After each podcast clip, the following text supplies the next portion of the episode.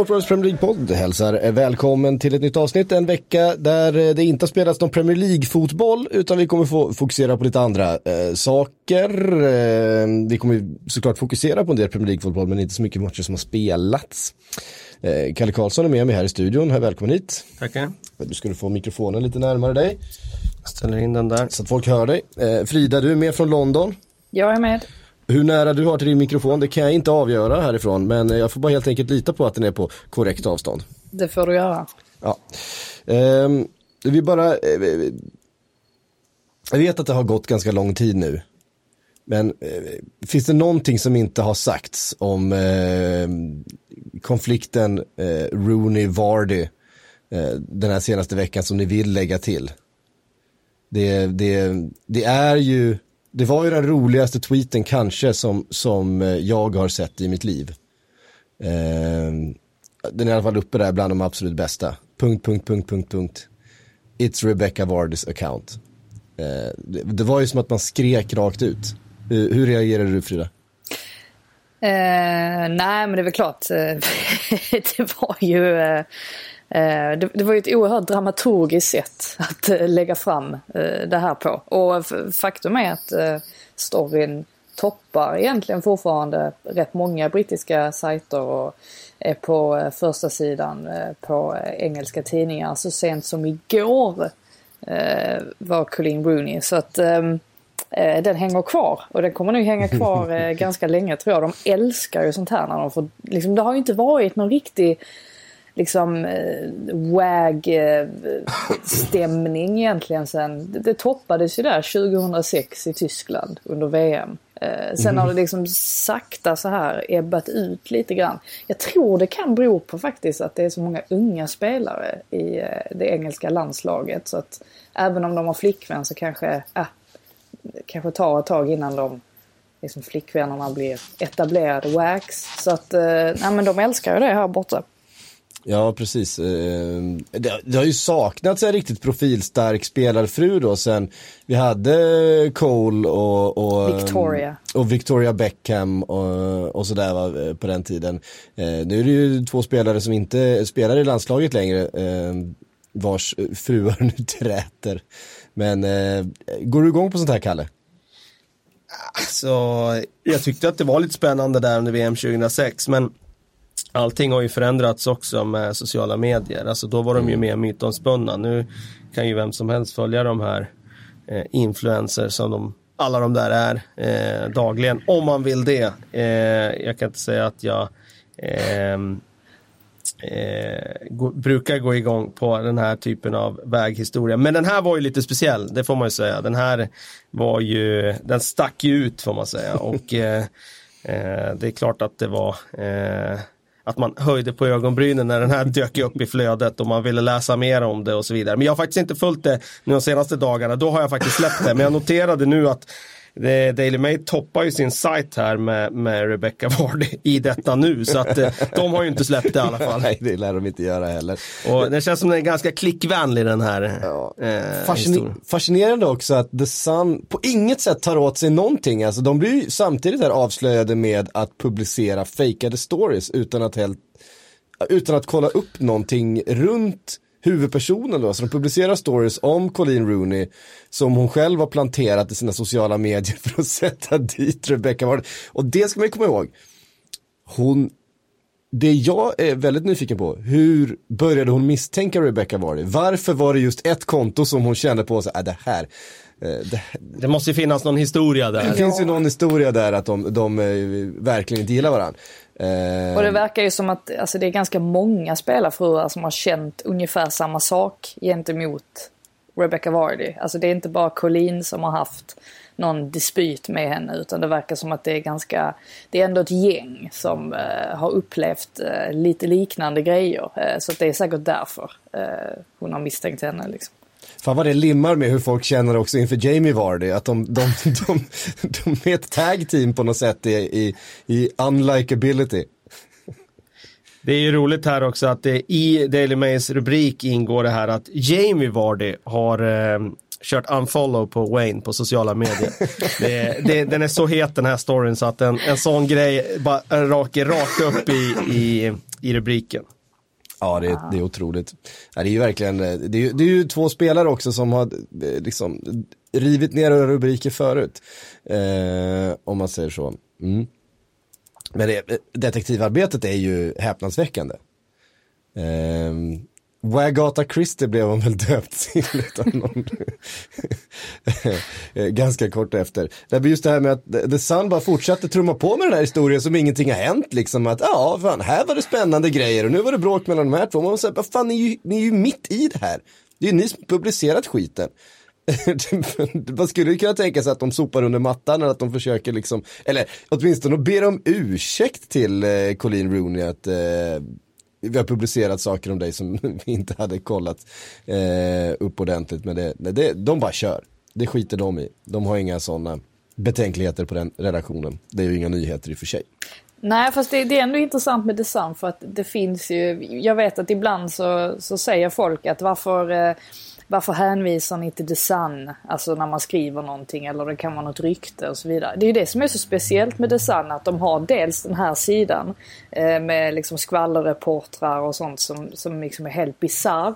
Eh, och sen så har de även eh, journalister på sportsidan som är riktigt, riktigt duktiga och har sjukt bra kontakter i olika klubbar. Jag vet att de har någon som eh, har väldigt bra ingångar i United till exempel.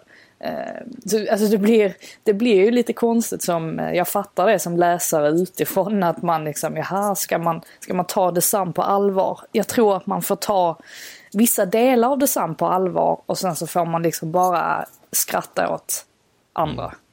Det är, ju, det är ju ingen av dem som har speciellt bra ingångar i Liverpool i alla fall. Eh. Nej, det, det är nog svårjobbat att vara The Sun-reporter och jobba med Liverpool. Ja, de är inte välkomna någonstans. Eh, på, på matcher eller på presskonferenser eh, och så. De är fortfarande portade eh, med all rätt. Ehm, Tjeckien, England 2-1. Om vi ska eh, prata om fotboll som har spelats och eh, Premier League-spelare, det är klart det har varit eh, runt omkring i, i världen förstås. Ehm, mm. Och vilken rubrik, körde alla, vilken rubrik körde alla engelska tidningar? Efter Tjeckien Mm. The, check, the chock. Nej. Var det inte det? Reality check. Reality check, förstås. Ja, eh, de, är bra, de är bra på det också, mm. eh, rubriker. Ja, det, och det var det väl kanske, ett litet sådär eh, rude awakening för eh, Gary Southgate och de andra. Att det har ju gått väldigt lätt för dem i, i den här gruppen och de har eh, fått utstå så otroligt lite kritik den här gruppen och Southgate. Men eh, jag tror att den här förlusten ändå tog lite på dem. Eh, de, de eh, det var lite chockartat nästan eh, hos en del eh, kommentatorer och, och så efteråt. Ja, fast det började ju morras lite redan efter Kosovo-matchen där de faktiskt spelade oerhört dåligt. Um, och släppte in en massa mål och hade faktiskt kunnat straffas eh, rejält i den matchen. Men nu, nu mm. kom de ändå undan med en vinst och då glömdes det kanske bort lite. Eh, Southgate har ju lite att fundera på vad gäller laguttagningar och hur han ska få ut det mesta av sin startelva. För det, det får han inte riktigt i nuläget. Han har ju exempelvis ett extremt bra ytterbackspar i Trent Alexander-Arnold och Ben Chilwell som inte får spela eller som han inte har. Eh, han har ju valt Danny Rose och eh, Trippier eh, före dem. En sån grej känns ju kanske som att ja, men man kanske får ut lite mer av att spela Alexander Arnold och Chilwell som är betydligt mer offensiva än vad de här andra är. Ehm, men samtidigt, hur ska man då balansera mittfältet för att det ska fungera ultimat? Ja, nu satte han ju Mason Mount i en roll som inte alls fungerade. Eh, och han märktes ju inte av knappt under matchen, vilket får ses som ett extremt underbetyg. Så att han har en del att fundera på, men samtidigt, de toppar gruppen. Eh, det är ingen fara på taket på det sättet. Ehm, så att han, eh, han får ta nya tag. Det är ändå första gången som Southgate är lite ifrågasatt ändå sedan han tillträdde. Det har ju, eller han var ju ifrågasatt just när han tillträdde.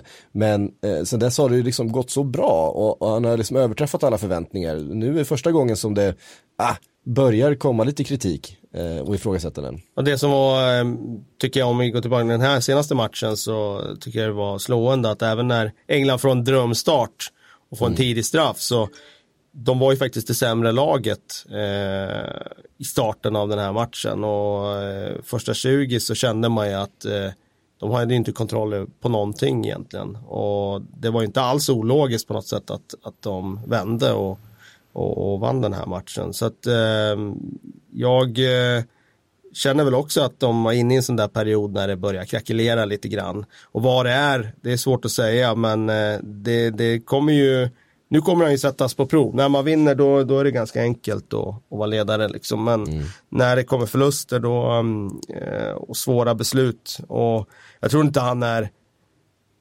Det är klart att han är glad över att ha angenäma problem som det så fint heter. Men jag tror han hade ju... Det hade räckt för han att ha två bra ytterbackar på högerkanten till exempel. Inte ha tre, fyra som han har.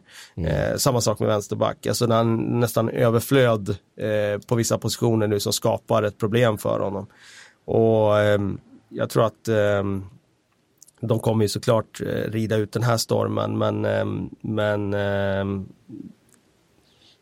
det kommer inte vara lika enkelt här framöver att bara ha den här känslan av att de bara är på en, i en stigande kurva utan det kommer bli lite tuffare perioder också. Mm. Eh, spelar match ikväll va? Eh, vad har jag för mig? Det är väl en eh, något enklare uppgift än eh, Tjeckien. Nu kommer jag faktiskt inte ihåg. Det måste vara Bulgarien va? Eller? Bulgarien ikväll ja. Eh, och då kan de väl säkra sitt avancemang, är det inte så? Eh, jo, det stämmer. Ja. Exakt så är det. Ja, vi får, eh, vi får återkomma till det engelska landslaget lite längre fram då. Eh, annan fotboll som har spelats i helgen var eh, Women's Super League. Um, hade några riktigt fina matcher. Um, Liverpool tog sina första poäng, bara en sån sak. ja, Kryssade hemma inte, mot... Det går inte jättebra för dem. nej, det går verkligen inte jättebra för Liverpool den här säsongen. Uh, ligger näst sist nu då. Uh, det är bara eh, Birmingham som fortfarande är nollade. De åkte på en torsk mot uh, serieledande Manchester City i helgen. City som har tagit fyra raka segrar. Liverpool tog sin första poäng då de kryssade hemma mot Bristol. Eh, det känns som att det kan bli en tung eh, och lång säsong för eh, Liverpools damer. Tung seger annars för Chelsea med John Andersson och Magdalena Eriksson från start mot Arsenal. Och Chelsea ligger tvåa då bakom Manchester City.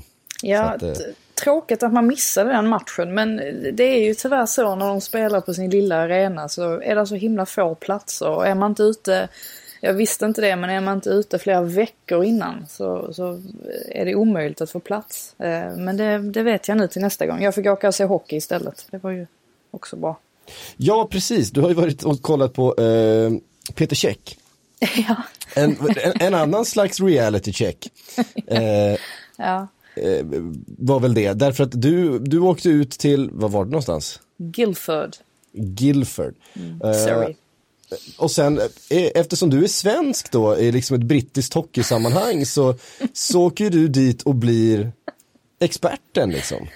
Alltså det var, det var som att leva i ett parallellt universum för uh, fyra timmar. för att uh, alla, uh, alltså på Sportbladet så är det ett stående skämt hur lite jag kan om hockey i förhållande till alla andra. Men där så var jag som ett levande lexikon. och det, och det folk gick till för att fråga, ja men det kom en kvinna, alltså jag, då hade jag nästan svårt att hålla mig för skratt. Jag tror hon jobbade för BBC. Som kommer fram efter första perioden och frågar, eh, ja, men hon frågar någonting om hur länge det var paus. Och så sa jag, nej men så, och så frågar hon, var detta den första halvleken? Eh, sa jag, det, det, det, här var första perioden. Eh, ah, Okej, okay, så det är en kvar. Nej, sa jag, det är tre. Jaha, tre, tre halvlekar. Ja, tre perioder. alltså det var, det, och det här var bara, det här var bara ett axplock. Alltså det, det, det finns hur många. Samma du fick alltså briljera med de, med de kunskaperna du hade som att det är tre perioder i hockey. ja. Fick du till och med förklara offside-regeln för någon? Jag fick förklara icing-regeln. För det var någon som frågade mm. varför blåste han av när pucken passerade två zoner och sa nej men det är icing. Jaha. Jag ser ju att det, det, finns ju arbetstillfällen för den som vill ha den och åka till England och rapportera om hockey. Ja, alltså det, det är ju en, det, det, lite hockey eh, hype i England just nu eftersom det engelska landslaget, eh, eller brittiska landslaget är det väl, Eh, jag tror de tävlar som Storbritannien, eh, tror jag, eller är det England? Ja, jag minns inte riktigt. Det togs i alla fall till VM. Eh, och Totally, där du har varit med för inte så länge sedan Frida, Totally Football Show. de, de skapade faktiskt en Totally Hockey Show under VM. som sändes då där vår egen Thomas Ros var med och delade med sig av lite expert kunskaper. Han kan ju lite mer hockey än vad, vad vi kan, Frida, du och jag. Eh, Kalle Aj. däremot vet jag har ett, ett gammalt hockeyintresse. Ja, inte så litet heller. Jag Nej. började ju som hockeytränare så att då var det ju väldigt stort. Ehm, men eh, det ebbade ut där eh, efter millennieskiftet och ebbade ut på ett sätt så att det bara dog ut helt. Mm. men det, det, det växer igång varje gång jag tittar på hockey. Mm. Men det är inte så ofta man hinner göra det. Det ska det ju sägas att det faktiskt var, det var ju fullt i den här lilla ishallen. Eh, och det kanske inte säger så mycket att det var ett par hundra åskådare för de flesta var ju där på grund av Peter Käck. Och det var ju faktiskt ingen, ingen jippomatch heller för hans del som en del verkar tro att det här är någonting han gör för att liksom på skoj sådär. Eh, jo det gör han ju till viss del men han har ju ett brinnande intresse för hockey och sa rätt ut att hade det inte varit för att hans föräldrar inte hade råd med hockeyutrustning när han var liten så hade han definitivt blivit hockeyspelare före fotbollsspelare. Så att han, eh, han älskar ju verkligen den här sporten och sa mm. ju till och med att det var en barndomsdröm som gick i uppfyllelse. Så det var lite fint. Ja. Hur var kvaliteten på ligan där? För vad jag förstår var det fjärde nivån i, i England. Alltså till och med jag som kollar så här lite på hockey kunde ju säga att det var katastrofalt dålig kvalitet. Alltså det var ju...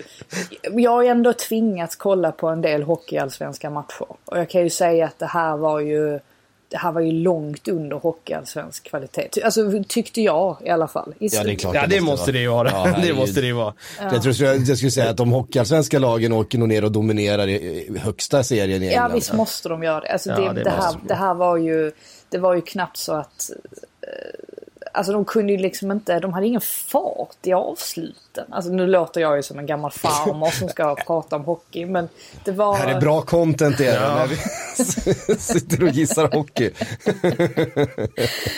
de har en del att jobba på om man säger så. Ja. Hur var Peter Käck då? Hur, det var, liksom, det var ändå, eh, jag, jag, kan dra ett mått av eh, nivån. Jag såg något klipp där på när han hade någon uppvärmningsövning och det var den uppvärmningsövningen vi körde när vi var typ nio år. Halvmånen. Ja, halvmånen liksom. Alla åkte och sköt ett skott var i en halvmåne. Eh, så det, den typen av uppvärmningsövningar har jag inte sett eh, elitserielagen köra direkt. Nej, nej. nej, det, nej det var därför alla, jag fattar ju inte det när alla kommenterade så. Oh, halvmånen, oh, alltså så, gjorde en grej av det. Det förstod inte jag. Liksom. Okej, okay, ja men då fattar jag.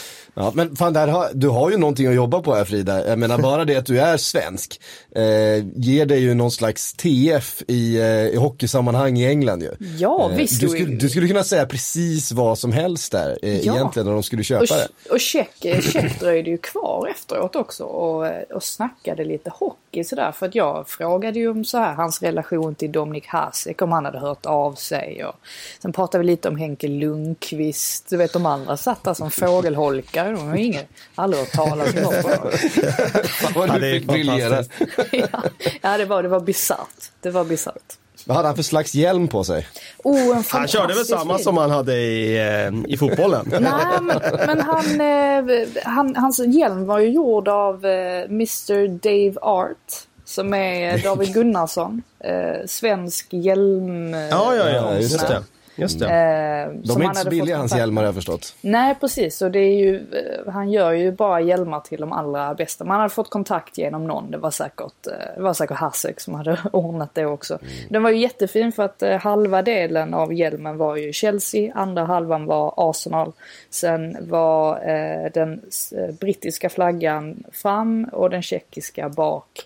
Och sen så var eh, även eh, sådana här London-attraktioner som Big Ben och Tower Bridge med på den. Så det var hela hans livshistoria. han, har, han har helgarderat. Verkligen helgardering. Ja, när man sa det, det var hans livshistoria. Så det var, det var lite fint. Ja, okej. Eh, ja, det är, det är spännande. Jag ser fram emot att följa dina fortsatta äventyr som hockeyreporter i, i England. Ja, en, en veckoanalys av Peter Käck vill man ju ha framöver. Ja, Eh, han, han, han är väl väldigt trevlig Peter Käck annars. Han eh, Ja, framstår ju som ja. en, en eh, sympatisk, eh, trots att han är trummis, eh, så är han väldigt trevlig. Han har väl alltid ansetts vara en av de trevligaste Premier League-spelarna. enormt Eh, trevlig. Ja. Ehm, vidare, eh, jag, jag, jag la upp det som förslag här nu innan lite grann att vi skulle säga någonting om Championship. Det är mest för att jag tycker att det är lite uppseendeväckande ändå att vi har ett storsatsande Nottingham Forest. Eh, att det har börjat så väldigt bra men också att Preston North End ligger där uppe. Det får vi väl se hur länge de gör det. Eh, men det är ju, Preston North End har vi väl aldrig sett i de här sammanhangen. Eh, kvala upp till, det, det är ju inte så ofta de är i Championship överhuvudtaget. Eh, men har börjat otroligt imponerande. Jag vet väldigt lite om dem men eh, eh, noterar att de är där uppe. Ja, just det. Eh, Nottingham Forest då med Milosevic som inte får spela speciellt mycket eh, för stunden. Eh, men är där i alla fall. Eh, Forest som ju har pumpat in rätt mycket kapital för att bygga ett, eh, ett lag för en, en push upp mot Premier League. Jag noterar att David Nugent spelar på topp i Preston North End, bara en sån sak. Ja. Jag funderade på om han Alexander var där och slog straffar för, eller, eh, fortfarande, men det är han ju inte. Nej. Han har lagt av. Men David Nugent har ändå, eh, han kan ju rulla in en och annan boll. Ja då. Ehm, sådär. Ehm, det kommer bli väldigt mycket frågor idag. Ehm, med tanke på att det eh, inte finns så mycket Premier League-fotboll att prata om. ehm, så har ni skickat in jättemånga fina frågor. Det är många som är eh, liksom bekymrade över det här med tränare såklart. Det är ju några som hänger löst. Du var inne på det eh, förra veckan. Eh, Ole Gunnar, Pochettino har det pratats om. Eh, att han eventuellt ska byta klubb. Marcus Silva. Marco Silva såklart. och Bruce. Vad sa du? Alltid Steve Bruce också. Alltid Steve Bruce. Eh, men vem var det mer vi pratade om? Eh, ja, skitsamma. Vi ehm, ehm, konstaterar i alla fall. Vi har fått en fråga här från eh, Simon. Har det någonsin skett ett tränarbyte mellan två klubbar? Alltså två klubbar helt enkelt har bytt tränare med varandra. Inte mig veterligen. Ehm, inget jag kan erinra mig om. Ja, för det som det spekuleras i då, som ju är en, så här, bara en ren tidningsprodukt, det är ju bytet Zidane-Pochettino. Eh, men varför Zidane skulle gå till, till Spurs i det här läget, att, att Pochettino gärna skulle ta Real Madrid-jobbet, det tror jag eh, vi kan vara rätt övertygade om. Men varför Zidane skulle till Spurs nu eh, och vad han skulle göra där, det, det, det är väl den stora frågan. Det känns inte som en match in heaven. Zidane i Spurs. Alltså dels eh, kan han inte Premier League eh, och vad, som, vad det innebär. Dels känns han ju som en sån här riktigt stor klubbstränare. Alltså där han har riktigt, riktigt bra spelare som han bara kan gå ut och spela kvadraten med. Och de kommer leverera ändå. Det kändes lite som att det var eh, så när han eh, ledde Real Madrid förra gången. Och nu vet jag inte, men eh, nej, jag tror inte, jag tror inte alls på den. Men Pochettino till Real Madrid som du säger, det är ju en helt annan sak och det känns ju inte alls otroligt. Nej. Um för det har ju spekulerats ganska mycket att eh, Zidane kommer, eh, kommer lämna där då. efter- Ja, nu har de ju rest sig lite grann får man säga i ligan. Eh, Det såg ju riktigt mörkt ut inledningsvis där, men nu har de i alla fall resultatmässigt gått hyfsat senaste tiden. Gareth Bale levererar. Den här relationen är också frostig, men det är för en annan podcast. Eh, vi har fått en annan fråga från eh, Johan Hollander. Eh, vet ej om minnet sviker, men visst är Harry Kane så gott som alltid segstartad. Straffmål okej, men spelmålen är ju få. Eh, och så har det ju varit eh, traditionellt sett i hela hans karriär. Det var väl något undantag här för någon säsong sedan när han eh, gjorde ganska mycket mål. Annars har han ju knappt gjort mål i augu- augusti-september utan har kommit igång under vintern. Ja, men det var väl det att han aldrig gjorde mål i augusti. Ja. Eh, och det var väl, var det inte förra säsongen han bröt det? Eh, det var det, så det kan nog stämma. Sen har ju eh, hela Spurs överlag har ju alltid varit lite trögstartade eh, under den tiden som Harry Kane har varit. Så att det hänger ihop. Men eh, visst är det så. Sen, ehm, ehm, ja så tycker jag väl att Harry Kane har varit ganska bra ändå. Eh, stora delar av den här säsongsinledningen. Han gjorde ju ett, ett otroligt mål där. Eh, när han liggande fick upp den i bortre krysset Eh, för någon helg sedan här. Det var imponerande. Eh, men som sagt, från straffpunkten är han ju bra. Eh, och det, är en, det är en kvalitet det också. Han gjorde straffmål i, mot Tjeckien ju, eh, till exempel. Eh, William Karlsson skriver David Luiz, Sokratis och Mustafis kontrakt går ut samtidigt. Är det ett tecken på att försöka bygga om backlinjen till dess?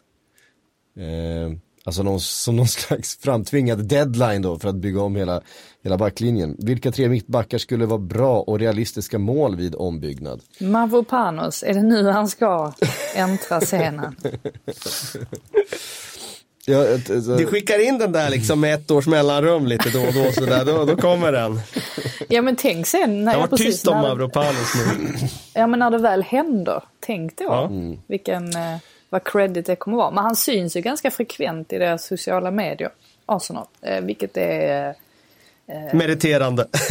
Ja, men det är väl meriterande på så vis att hade han varit helt uträknad, eh, alltså att han aldrig kommer få någon chans och, och sådär. Då känns det ju inte som att de hade använt honom så mycket.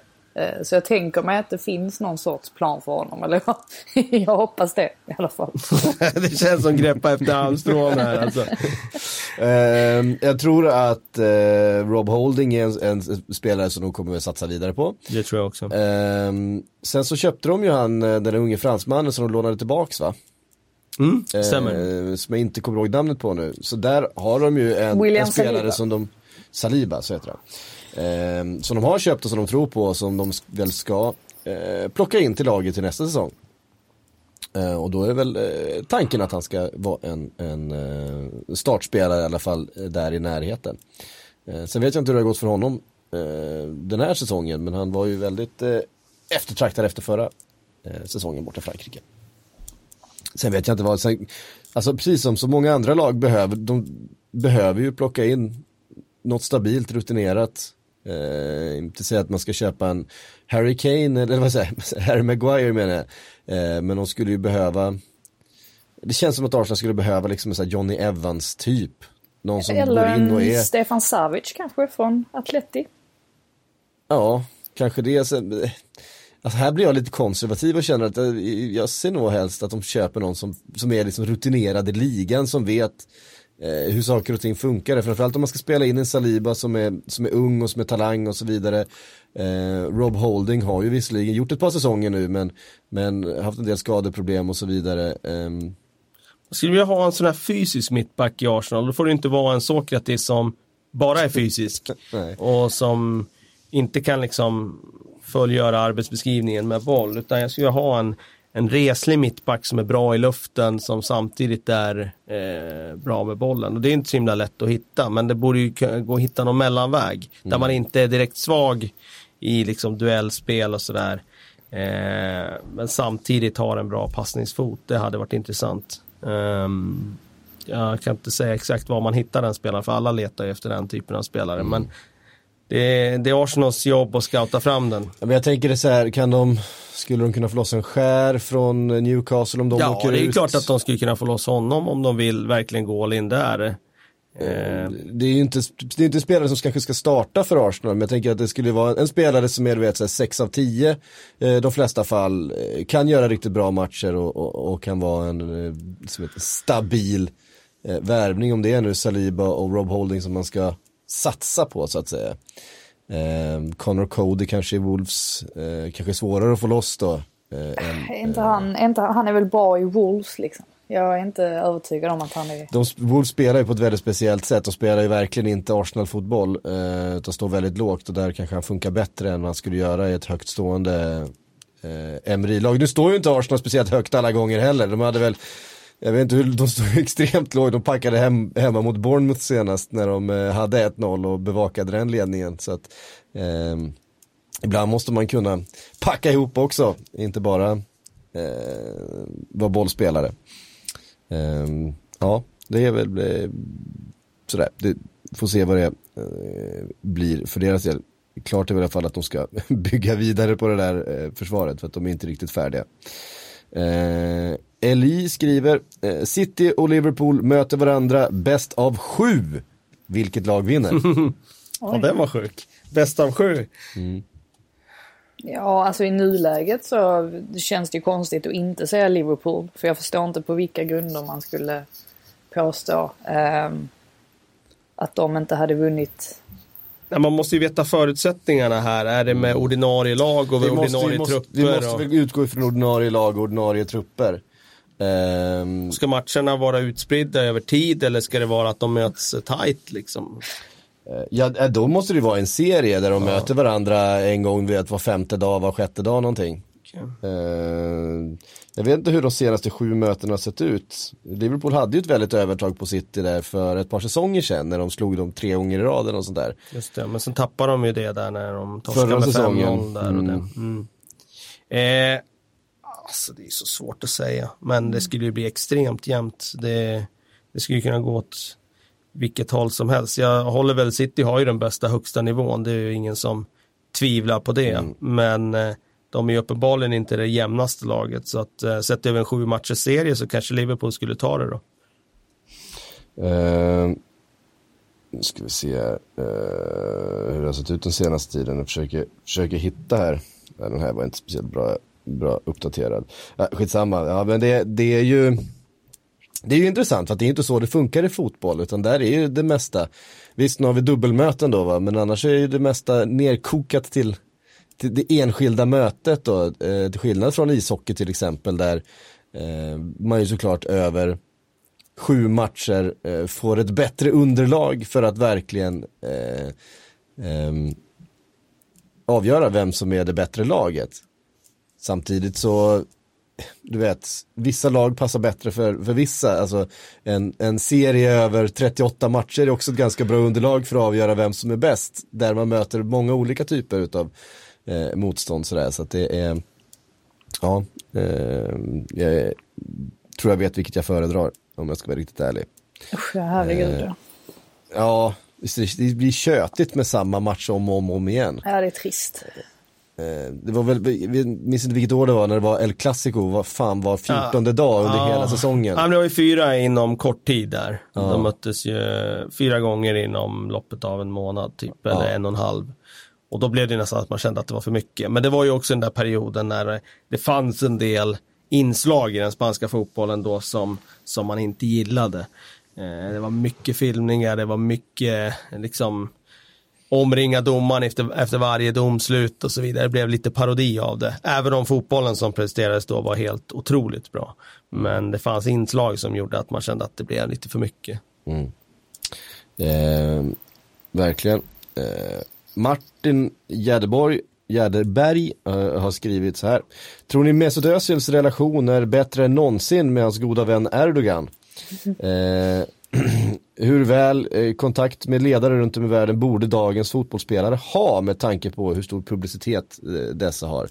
Eh, ja, det är klart att det är problematiskt för, för eh, Mesut Özil nu när Turkiet befinner sig liksom i en väpnad konflikt och Erdogan eh, eventuellt då eh, gör sig skyldig till diverse krigsbrott och så vidare och det blir en väldigt kontroversiell, alltså visst han har varit kontroversiell länge Erdogan. Eh, han har liksom avskaffat demokratin i Turkiet som är ett av liksom, eh, de största länderna i Europa och så vidare. Men eh, det är klart, att det var ju inte kommer... jättelänge sedan som de syntes på bild ihop igen. Nej, alltså Erdogan var ju vittne på Mesut Özils bröllop tidigare i år här så att mm. eh, det är klart de har en, eh, en tajt relation. Jag är lite på nyfiken på, på eh, att, eh, alltså vad eh, Pulisic tycker om sin ledare, eh, Donald Trump. Eh, alltså mm. amerikaner är ju väldigt kända för att liksom, eh, ja, berätta sina åsikter eh, väldigt högt och eh, brett. Men äh, han är ju inte så i ropet heller nu i och med att han inte får spela. Du kan väl fråga innan ni mixade och bara gå rakt på den frågan. Inget inge snack om väder och vindel utan bara rakt på den frågan. men han hade nog uppskattat att få prata om Trump istället för varför han inte, inte får spela. Ja just det, ja, men du ser där har du ju din, din USP. Mm. Ja, uh, är det sant? Nej men ja, hur väl ska, ska fotbollsspelare ha med, med politiska figurer runt omkring. Det får de väl avgöra själva. Eh, sådär. De är ju eh, de är kändisar och de är förebilder och allt det där och det är saker som de får ta eh, into consideration eh, för sin egen eh, image. Man, man, eh, det var ju väldigt mycket brasilianska spelare som eh, var ute och kampanjade för, jag kan aldrig säga hans namn, Balson, Bolsonaro. Bals, Bolsonaro. till exempel, också en kontroversiell figur i mångas ögon. Erdogan såklart, alltså, Özil är inte den enda fotbollsspelaren som har eh, poserat bredvid honom och som har haft med honom att göra. Det som kanske är mer, mer ögonfallande med just Özil är att han eh, inte eh, Ja, han är ju turkisk eh, på det sättet att hans föräldrar kommer från Turkiet och så. Jag vet inte om han eventuellt föddes i Turkiet också. Men, men han är ju tysk först och främst. Eh, och de turkiska spelarna som eh, födda och kanske bor i Turkiet och har en, en, en, liksom en annan typ av relation till Turkiet det hade man väl mer kunnat förstå. Um... Kan vi inte vara överens om att man, man får jättegärna uttala sig om man är väldigt påläst och förstår vad det är man tar ställning till. För jag tror att ofta så gör inte många det. Och det mm. gäller både fotbollsspelare och det gäller andra människor också. Man inte har riktigt ja. på fötterna. Och då Eh, då kan man lätt eh, påverkas av andra och sen så står man där med en åsikt som kanske inte är helt hundra. Eh, eller som är det. Alltså det, det, får man, det får man avgöra själv. Men, men lite, mm. där står jag. Jag håller med. Yes. Um, sen jag menar, ja, man avgör själv hur man ska använda sitt inflytande på olika sätt. Politik är väl inte helt fel. Även om eh, jag personligen kan tycka att Erdogan är lite problematisk. Ja. Eh, Johan Lindström skriver Wijnaldum i landslaget jämfört med klubblaget klarar inte Liverpools balans att han tar ett mer offensivt ansvar. Eh, nu levererar ju fronttrion men avlastning från mittfältet är det väl som efterfrågas. Så han, att, det är det att han gör, nu gjorde han två mål för, för uh, Nederländerna i helgen. Eh, varav ett riktigt drömmål. Uh, och det är klart att han kan ju pang, han får gärna panga in dem från 25 meter rakt upp i krysset när han spelar för Liverpool också. Uh, och det, det, försöker han ju ibland och uh, han gör ju faktiskt en del mål även i den röda tröjan.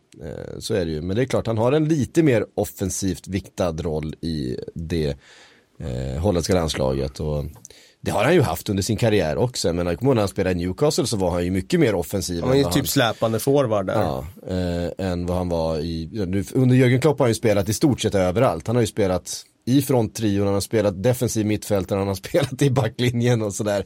Han är ju en sån, en sån typ som kan användas lite överallt. Eh. Wijnaldum är ju faktiskt den spelare som England saknar alltså nu när de försöker, liksom, om de nu skulle försöka göra någon sorts replika av Liverpool, så är ju Wijnaldum det här med att han är så flexibel och eh, alltså allround eh, spelare. Det, det, är ju faktiskt den, den spelartypen som de inte riktigt har. Eh, och där de försökte sätta in Mount nu och det inte riktigt fungerade. Eh, det säger ju faktiskt en del om hans mm. kvalitet. Ja, alltså Mason Mount och Wijnaldum är två väldigt olika spelare tycker jag. Wijnaldums främsta styrka är ju, är ju faktiskt hans, hans fysik väldigt mycket. Han är så oerhört svår att ta bollen ifrån och han, eh, han, är, han är trygg eh, på små ytor av den anledningen. Mason Mount är ju mer teknisk, liksom spelar med mer fart än, eh, än Wijnaldum skulle jag säga.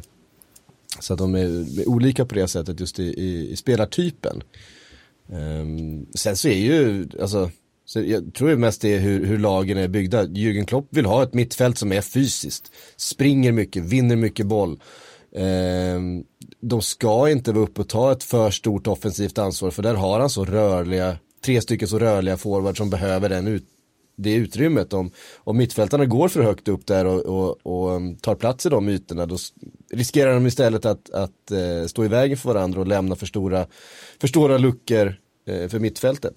Ja, och så dessutom då ytterbackar som hänger med Och upp. ytterbackar som, som, som trycker jättehögt upp då. Då är det ju mittfältarnas försvar att, uh, att täcka upp bakåt. Så, så det är klart det är lite uh, annorlunda. Men, men jag menar, han har gjort några viktiga mål för Liverpool också. Om man säger så. Barcelona i semifinalen i våras till exempel.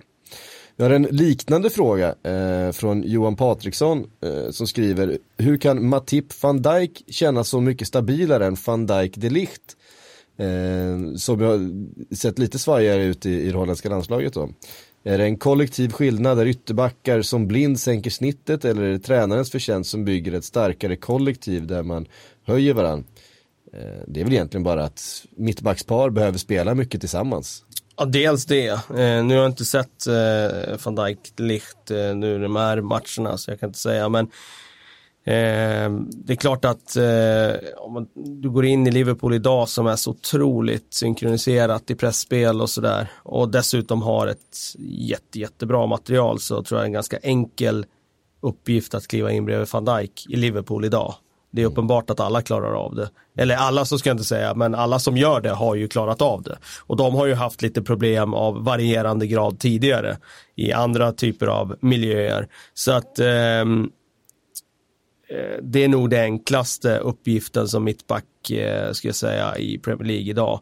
Eh, holländska landslaget har ju en ganska offensiv viktning och har ju inte alls samma eh, styrka i pressspelet framåt. De har ingen Fabinho som står precis där framför heller. Nej, och de har ju, alltså jag, framförallt tycker jag, liksom om du har den fronttrion som Liverpool har som springer så mycket och sätter den pressen som de gör med Firmino i spetsen. Eh, det lägger grunden till att det blir ganska enkelt att spela bakom dem. Um, Fabian skriver, Ole Dole Doff, hur mycket tid ska Ole få? Skulle en caretaker vara lösningen nu eller ska man försöka få in en permanent tränare direkt?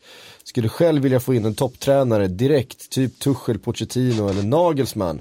Som känns spännande men kanske ett lite osäkert kort. Ja, vad säger du Frida? Eh, ny caretaker eller ska man försöka hitta nästa permanenta tränare på en gång? Men det är ju frågan, alltså tror man... Alltså Woodward måste ju vara ärlig mot sig själv och ställa sig frågan att, alltså, tror man att Solskjaer kommer, alltså vad, vad är det man ska sikta på nu? Ja, nu är det kanske en Europaplats först och främst.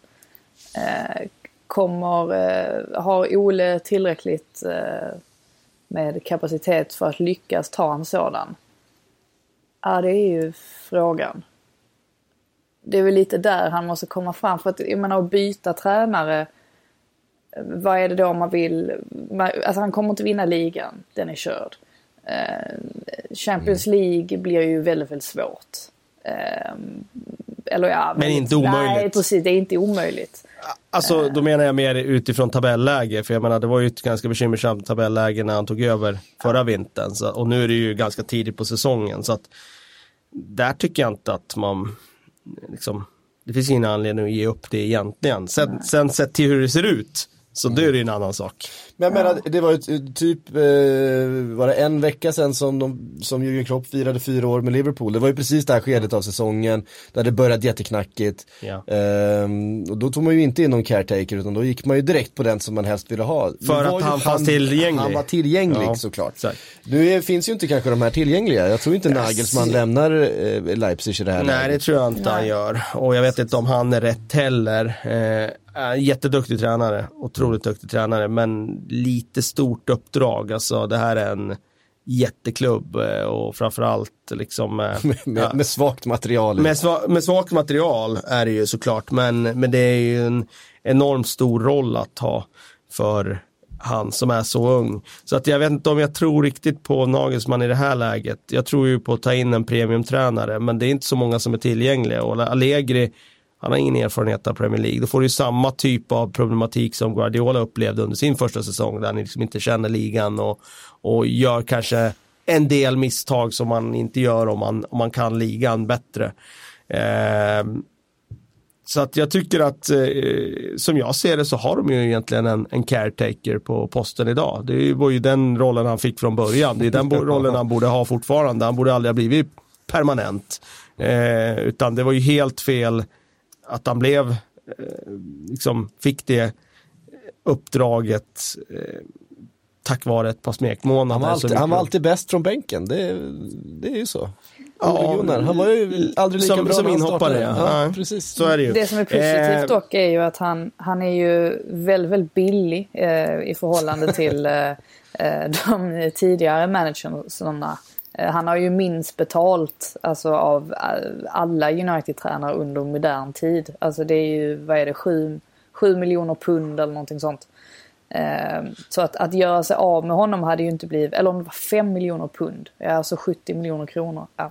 Eh, strunt samma. Men det hade ju inte varit en jättestor ekonomisk förlust i alla fall att göra sig av med honom som det var med Mourinho som kostar liksom 150 miljoner om året. Men sen samtidigt så jag vet inte vad man skulle tjäna på det just nu. Alltså ingenting kommer ju bli bättre, eh, tror inte jag Men, i alla fall.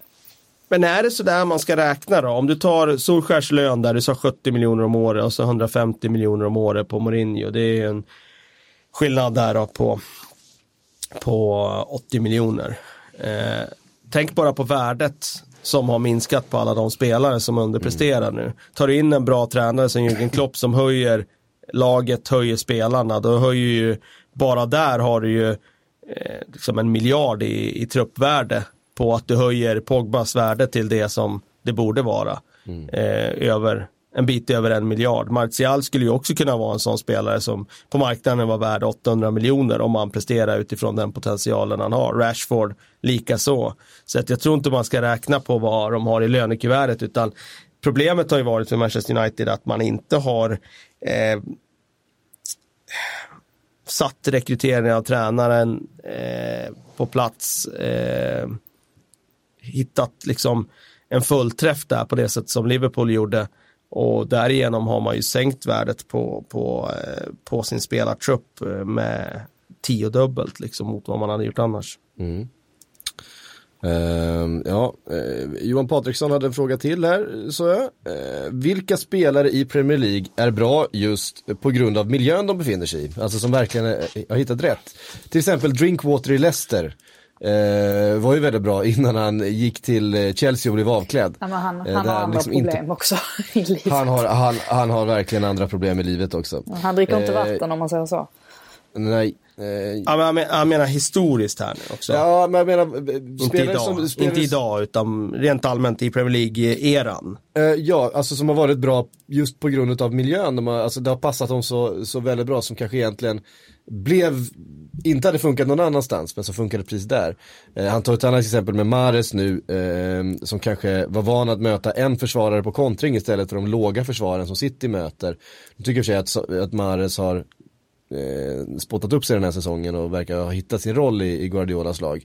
Eh, men har vi några andra sådana exempel på, på spelare som funkade för att de var precis just i den miljön just då. Eh, och kanske med en tränare som, och ett spelsystem som funkade för dem men som inte hade funkat någon annanstans. Man får ju gå till de här lagen som har varit ytterligheter. Mm. Jag menar Stoke har ju ett gäng sådana spelare. John Walters till exempel. Alltså passar ju väldigt bra i, i Stoke på den tiden. Rory Delap såklart. Mm. Alltså um, eh, jag tror liksom Charlie, Charlie Adam passar väl väldigt bra i Blackpool egentligen ja. där han fick göra sin grej med stor frihet medan mm. andra sprang runt omkring honom. Eh, jag har svårt att tro att han skulle ha presterat så mycket på den nivån i, i så många andra lag. Han gjorde ju inte det heller. Nej, när, när... han kom till Liverpool sen så. Ja, och sen så när han lämnade Liverpool så presterade han Nej, inte heller. I, liksom i Stoke och så vidare efter det heller. Nej. Och det var ju inte för att han slutade ha en bra vänsterfot. Eh, det hade han ju alltid, men det var ju för att uh, han var tvungen att springa i de andra lagen och det kunde han ju liksom inte riktigt aldrig göra. Sen var väl Joe Allen var väl eh, skräddarsydd och Leon Britton var skräddarsydda för Swansea. Mm. Jag har svårt att säga att Leon Britton hade gått in i, i Burnley och, och gjort det speciellt bra. eh, så att eh, det, det, har ju funnits spelare som har eh, liksom maximerat sin, eh, sitt mm. kunnande i en viss miljö. Eh, Drinkwater var ju en faktiskt får man ju säga. Mm. Ja, verkligen. Um, Jesper Björk skriver, eh, vilket lag befinner sig i den största krisen just nu och vilken arbetsbeskrivning skulle ni ge Xhaka om ni fick styra upp ett lag? Nej, ni får inte peta honom. Ja, kriser pratade vi om förra veckan eh, och det har inte hänt så mycket där eh, sedan dess. Men, eh, men Granit Xhaka, eh, om ni, vilken arbetsbeskrivning skulle ni ge honom eh, om ni skulle styra upp laget och ni måste ha med honom? I Arsenal då? Ja. ja. Ready to pop the question? The jewelers at BlueNile.com have got sparkle down to a science with beautiful lab-grown diamonds worthy of your most brilliant moments. Their lab grown diamonds are independently graded and guaranteed identical to natural diamonds, and they're ready to ship to your door. Go to Bluenile.com and use promo code LISTEN to get $50 off your purchase of $500 or more. That's code LISTEN at Bluenile.com for $50 off. Bluenile.com code LISTEN. Uh, jag tänkte om det var bara att man fick ge en jag tror du var inne på det där att placera en spelare ja. i en, en viss ja, men miljö. Gör det, då. det kan väl vara, vara intressant om du har ett eh, mer spännande svar på det.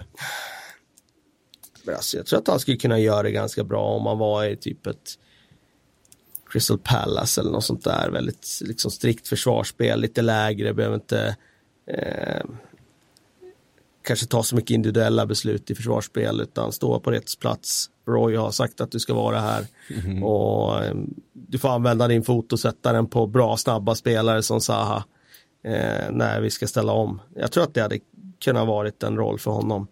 Eh, i Arsenal, ja, jag, jag är ju inte hans största supporter så jag är svårt att sätta en, en roll för honom där som är Tycker, eh. tycker han ska hålla sig borta från vänsterbacken, det tycker han ska göra. Ja, det ska han ju göra. Jag tycker, jag hade ju hållit honom borta från startelvan också. Men, eh, ja, ja. ja jag, jag, jag vet inte riktigt i Arsenal om jag samtidigt då ska använda Emerys liksom idé om att oftast i alla fall kliva högt och eh, spela det spelet som, som han vill göra. Ja, jag tycker inte att han, han har något, jag har svårt att sätta en, en riktigt bra roll på honom där. Mm. Jag tror att, jag tror att han, är, han är en, en spelare för eh, kanske att vara, ha en stor, han, han, känns som en sån spelare, han behöver ju vara central i det laget som han mm. spelar i. Det, det måste gå igenom honom och han ska vara en viktig roll. Och jag tycker inte han är tillräckligt bra för att ha det i ett lag som Arsenal.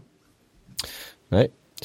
Eh, Fredrik Österman skriver John McGinn, eh, Premier Leagues formstarkaste mittfältare just nu när Kevin De Bruyne är skadad. Eh, stark start på säsongen och gjorde ett äkta hattrick igår för Skottland.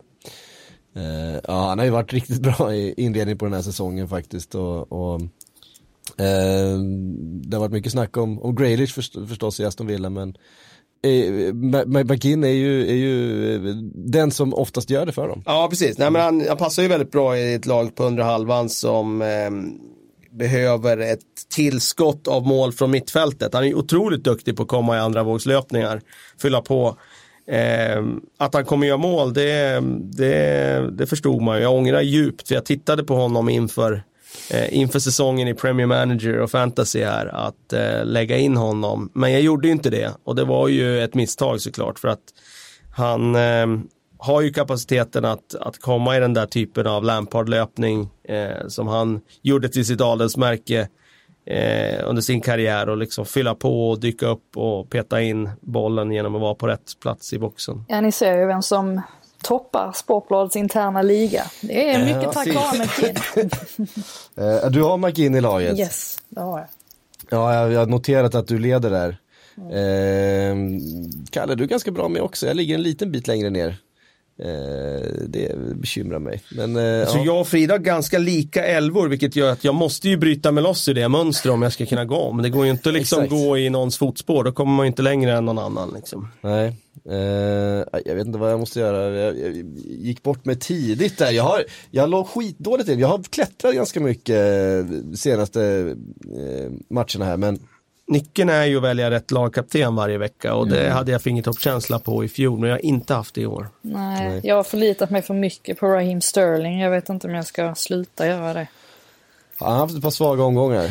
Och jag litar mycket på Salah och då är det så här, jag vet Han ju att han inte är i form, men jag vågar inte byta ut honom för då vet man, då kommer jag göra hattrick den matchen efter. Det, är- alltså, det är ju självklart. Så, så är det och så har jag resonerat nu några veckor och det, det har kostat mig dyrt. Ehm, eh, här har vi fått en ehm, eh, fråga från MWLLGN, eh, tror jag det står. Ehm, den bästa Premier League-elvan, max 20 miljoner pund. Här vet jag att du har eh, tittat lite i förväg, Kalle, eh, som vi gärna vill göra när det, när det är en elva. Eh, ja, ibland kan det vara kul att ta dem spontant också. Men eh, här, eh, frågan här var max 20 miljoner pund totalt, men det får man ju inte ihop en elva för. Nej. Då, måste, då får man ju bara Då gå får på man ju gå ner på League One om man ska hitta sådana spelare i dagens marknad. Så vi reviderar ju lite de här förutsättningarna. Vi Ja. sa istället, alltså du får ju knappt, jag började titta på det faktiskt, alltså tar du, ska du slå upp en 11 av Premier League-spelare och du bara har 20 miljoner pund, då kan du ju bara ta spelare vars kontrakt går ut, annars får du inte ihop någon 11. De Nej. kostar ju för mycket. Ja. Eh, så att eh, vi ändrar det här till att ingen spelare får kosta mer än Precis. 20 Och det är ändå ganska Det var svårt ändå när jag tittar på trupperna så här. Man får ju gå ner på sådana här klubbar som Sheffield United och Ja. sådana här liksom. Och eh, ja, eh, det, det, det var inte lätt. Alltså det var skitsvårt. Och sen skulle det samtidigt vara en bra elva, det var ju det. jag kan ju inte ta skräp bara. Nej. Så att eh, det blev ett, ett anfallspar här och ett klassiskt anfallspar med Danny Ings från Southampton och Ashley Barnes. Och då tänker jag att med deras ålder och så vidare så tror jag inte de kostar mer än 20 miljoner pund att köpa loss. Nej. Eh, jag tycker att det känns ändå rätt, rätt spännande. Eh, sen tänker jag att Matt Longstaff, hans värde har inte på en match bara skjutit upp förbi 20 miljoner pund. Tror du inte det? Ja, man vet ju inte, det är svårt att säga. Eh, det kan du ju göra eftersom allting är helt vrickat när det gäller summor och allting. Ja, Men ja. på en match är det förbi 20 Ja, miljoner. jag tror det. Ja, det Men- kanske är det. Jag, jag, som sagt, jag lämnar öppet för att det kan vara det. Ja. Eh, och då har vi inte råd med han heller då. Nej, men jag, hittar, jag hittar ingen mittfältare mer. Jag kommer inte längre. För att jag bara tittar på dem och bara, nej, nej jag får inte, jag har inte råd med den spelaren. Nej. Det går inte. Nej, men det är det som är så sjukt, man tänker så här, man vill ha en bra spelare, man tänker så som Todd Cantwell i, i eh, Norwich till exempel.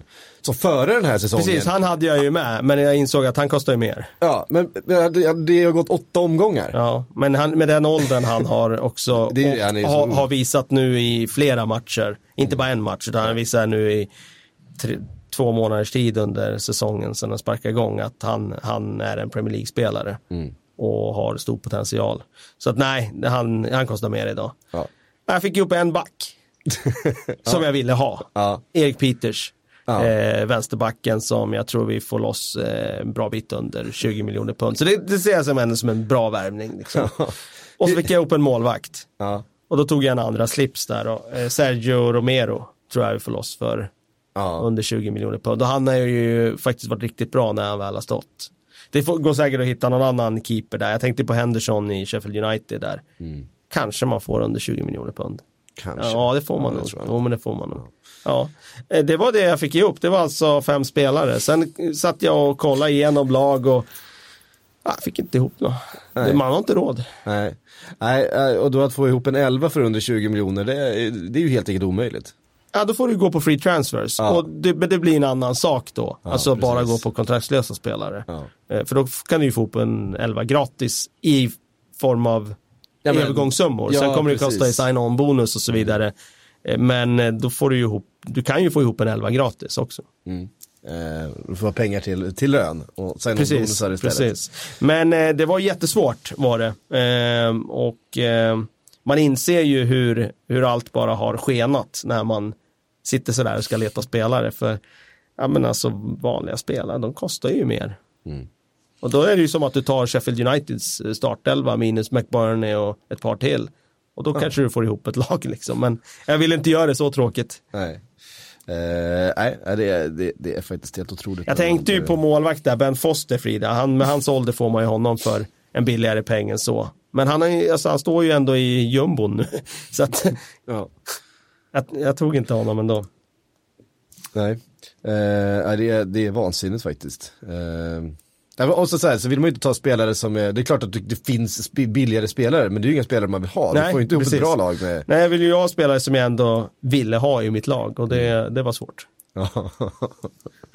um, bra, vi uh, fått, uh, vi ska ta ett par frågor till, vi ska snart knyta ihop säcken här. Men eh, Johan Fogde Dia skriver, spekulera gärna lite kring vinterns spelarköp. Vilka lag köper eh, vad? Känns som att Manchester City behöver reda ut mittbacksproblemet till exempel.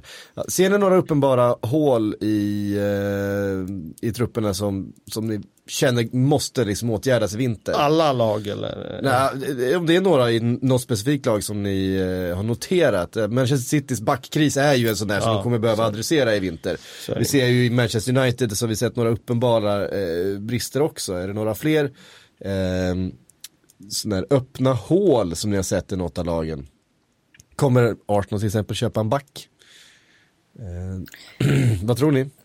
Alltså, det är väl de klubbarna du nämnde. Alltså United, där känns det som att det kommer att hända någonting. Vilket är ganska ovanligt väl. Alltså de brukar ju främst värva under sommaren. Men det sägs ju att det i alla fall ska in en spelare. Eh, däremot så är man ju lite förvånad över vilka namn det pratas om. Eh, som är, anses vara realistiska. Och det säger väl lite också vilken hylla de kan plocka ifrån numera. När Mattias Norman är en sån som dyker upp. Det, det hade man kanske inte trott för några år sedan att han skulle nämnas som en sån spelare som kan få styr på Manchester United. Men det är ju lite den, eh, lite den eh, verkligheten de lever i just nu.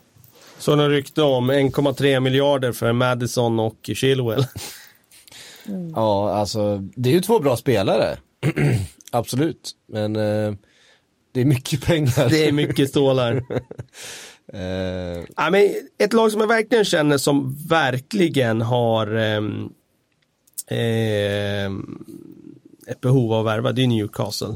Mm. Eh, och det, alltså, det är klart, de har ju tippats i botten och så vidare. Där ser jag ju dels ett behov av en målvakt. Alltså de mm. skulle ju tjäna jättemycket på om de hade en riktigt eh, pålitlig keeper. Och sen det, i det där... är ju inte pålitlig. Nej, han är ju inte det. Han gjorde ju en jättefin debutmatch och man tänkte att det där kanske är ett fynd. Han, han, lever på det. Ja, det var ju lite så att han levde på den ett tag där. Ja. Eh, men eh, där skulle de ju kunna uppgradera. Sen känner jag väl att de skulle kunna uppgradera sitt försvar också. Eh, rent allmänt, alltså backlinjen. Där skulle de ju kunna få in någon ytterback av riktigt hög kvalitet. Vad är det för fel på Emil Kraft? Jag hörde inte. Vad är det för fel på Emil Kraft? Ja, precis. Han startar ju inte senast ens. Nej. Uh, han har väl haft det lite kämpigt kan jag tycka. Uh, han skulle behövt sätta någon av de där målchanserna som han har fått också. Uh, för att verkligen cementera den platsen. Ehm, men ja, ehm, det, jag, jag, kan tycka att det, det finns finns ett behov i, i West Ham också. De, det känns som att de skulle behöva en avlastning på, på mittfältet också centralt. Ehm, det kan liksom inte Ehm, man kan inte hänga upp det på Nobel för länge liksom. Eh, till. Det känns som att det, det finns en förbättringsmån eh, centralt mittfält eh, för, för West Ham just nu. Men vi får se. Eh, bra, hörde ni, eh, det var faktiskt allt vi hann den här måndagen. Ehm, nästa, dag till helgen så är det eh, Premier League-fotboll igen. Då är det bland annat eh, Manchester United-Liverpool. Eh, den ser jag fram emot. Eh, Kalle och Frida, tack för att ni var med idag. Eh, Premier League-podden är såklart tillbaks om en vecka igen.